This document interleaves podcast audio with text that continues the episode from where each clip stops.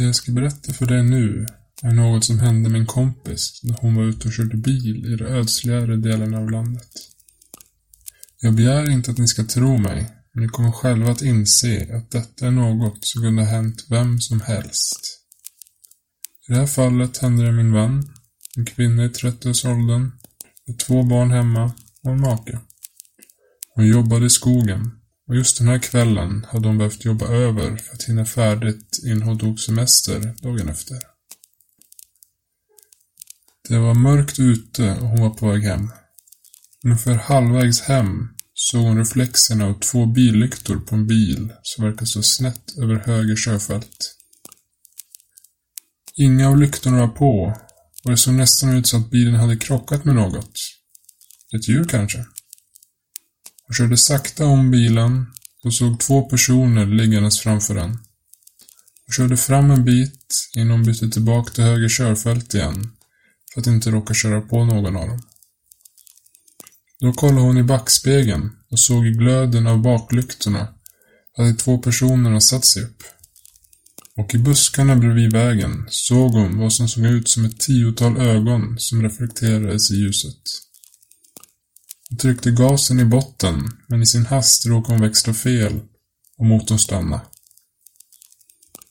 Hon kollade bakåt igen och såg nu flera gestalter på vägen vid bilen. De började gå mot hennes bil. Medan hon febrilt försökte starta bilen igen kastade hon blicken in mot skogen på sidan om bilen och tyckte sig se något röra sig i det svaga ljuset som letade sig dit. Motorn startade med ett brum. Hon såg i backspegeln hur personerna bakom henne började springa. Hon gasade på allt vad hon kunde, utan att bry sig om att växla, till hon lagt tillräckligt mycket avstånd mellan sig själv och vilka det nu var som hon hade sett där borta. Efter den här dagen blev hon aldrig riktigt sig själv igen.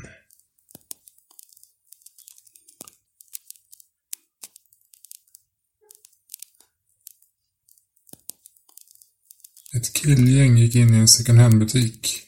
De tittade runt ett tag till en av killarna hittade en CD. På framsidan stod det rosa händer skrivet med en röd tuschpenna. När han vände på fodralet stod det med liten text. Varning! Lyssna aldrig på skivan ensam. Hemska saker kan hända. Vilket trams, tänkte killen. Och så gick han och betalade för CDn. När de kommer hem till en av kompisarna beslutade han sig för att spela upp skivan. Låten gick så här. Rosa händer, rosa händer går på din tomt, går på din tomt. Rosa händer, rosa händer går mot din dörr, går mot din dörr. Rosa händer, rosa händer går i din hall, går i din hall. Rosa händer, rosa händer går mot ditt rum, går mot ditt rum. Rosa händer, rosa händer står vid din säng, står vid din säng.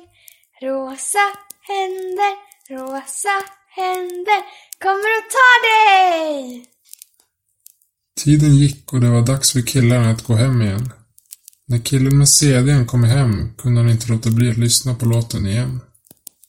Han tänkte på texten på baksidan. Varning! Lyssna aldrig på skivan ensam. Hemska saker kan hända. Äsch, tänkte killen. Vad är det värsta som kan hända? Han satte i skivan i CD-spelaren och den glada rösten började sjunga sin sång igen. Efter att han lyssnat på låten några gånger och ingenting hänt beslöt han sig för att stänga av skivan. Men inget hände när han försökte stänga av CD-spelaren. Skivan fortsatte spela sin visa. Rosa händer, rosa händer går på din tomt, går på din tomt. Rosa händer, rosa händer går mot din dörr, går mot din dörr. Killen tyckte det började bli obehagligt. Han kunde inte få tyst på sin CD-spelare. Rosa händer, rosa händer går i din hall, går i din hall. Rosa händer, rosa händer går mot ditt rum, går mot ditt rum. Rosa händer, rosa händer står vid din säng, står vid din säng.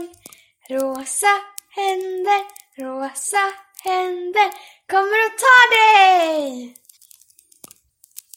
På morgonen dagen efter hittade killens föräldrar honom död. I sin säng med två rosa handavtryck på hans hals.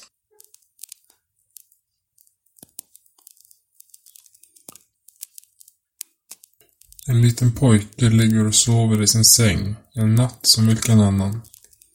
Då hör han plötsligt fotsteg utanför sin dörr och vaknar till. Han öppnar försiktigt ögonen på glänt och ser att dörren försiktigt och tyst glider upp.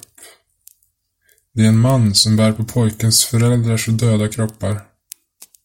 Han lägger dem tyst på en stol på andra sidan av rummet och skriver något på väggen med deras blod. Det hörs ett klafsande ljud när han doppar penseln.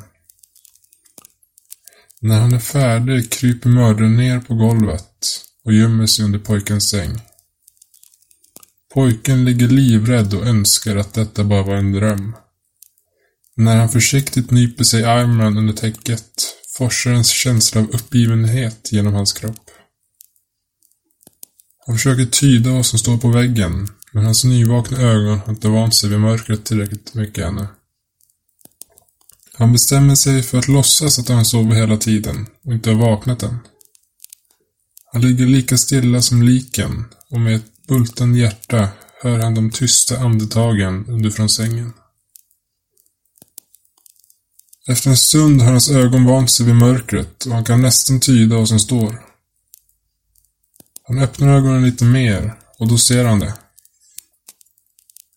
Med slarviga bokstäver, skrivna i blodrött står det. Jag vet att du är vaken. Då känner han plötsligt något som rör sig under sängen.